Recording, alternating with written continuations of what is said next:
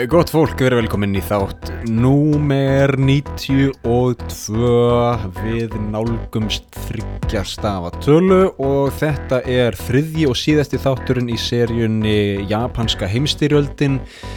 Uh, Við erum að fjalla um uh, versta stríð í sögu Japans og eitt versta stríð í sögu bandaríkjana og við erum að fjalla um hápunkt og endalok þessa stríðis í raun Um, við ætlum að taka fyrir árin 42 til 45 og í fókus í miðpunkti, í miðdeppli, í brennideppli, í nafla uh, uh, í smásjáni, undir smásjáni verður hjá okkur uh, orustan um Midway sem er svona ákveðin vendipunktur í stríðinu. Við komum betur inn á þá eftir. Við skulum byrja á því að staðsýtja okkur í Sapporo eins og við gerum alltaf um, sko það sem er kannski helst að nefna er að ég er að fara á skip ég er að fara á skemmtifærdaskipið National Geographic Resolution.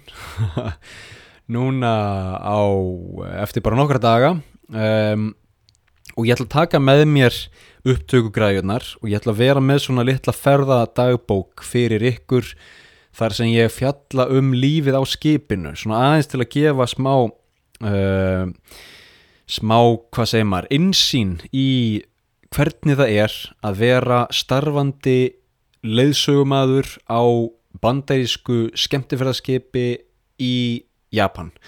Uh, við erum sérst að fara að sigla frá Hafnarborginni Kobe og siglum milli eiga og skerja og uh, stórhafna og smáhafna siglum fyrir suð vestur 8 Japans þar að segja sagt, suð vestur 8 Kyushu og siglum svo alla vesturströndina upp til Niigata. Niigata er sagt hérað eða fylki um svona miðbygg vestur Japans. Þetta skiptir ekki alveg öllu máli en það sem skiptir máli er að ég er að fara að vera á skemmtifæraskipi, litlu skemmtifæraskipi svona cirka 200 manna skemmtifæraskipi frá National Geographic og ég er að fara að vinna þar sem leiðsögumæður og fræða fólk um Japan.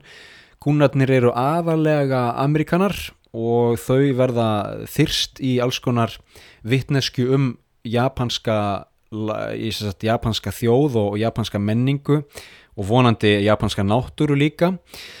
Þannig að ég verði þarna um borð verði líklega á öðru dekki í minni káetu og hérna, þetta verður bara snilt. Ég er búin að gera þetta nokkur sem áður á Íslandi sigla í kringum Ísland, þetta er fyrsta sinn sem ég sigli hérna í Japan.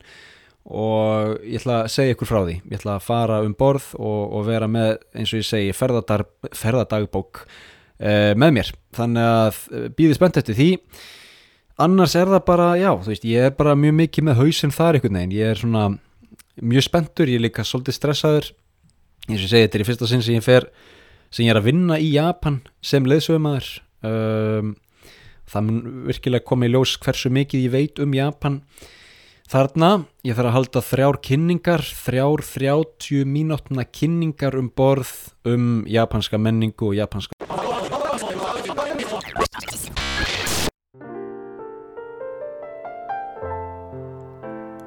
Kæri hlustandi ég ætla að tala svona látt við þig núna af því að þetta er alvarlegt mál.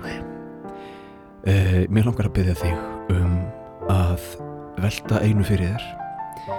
Spurningin er langar mig að hlusta á þennan þátt í heilsinni fyrir litlar 700 krónur á mánuði?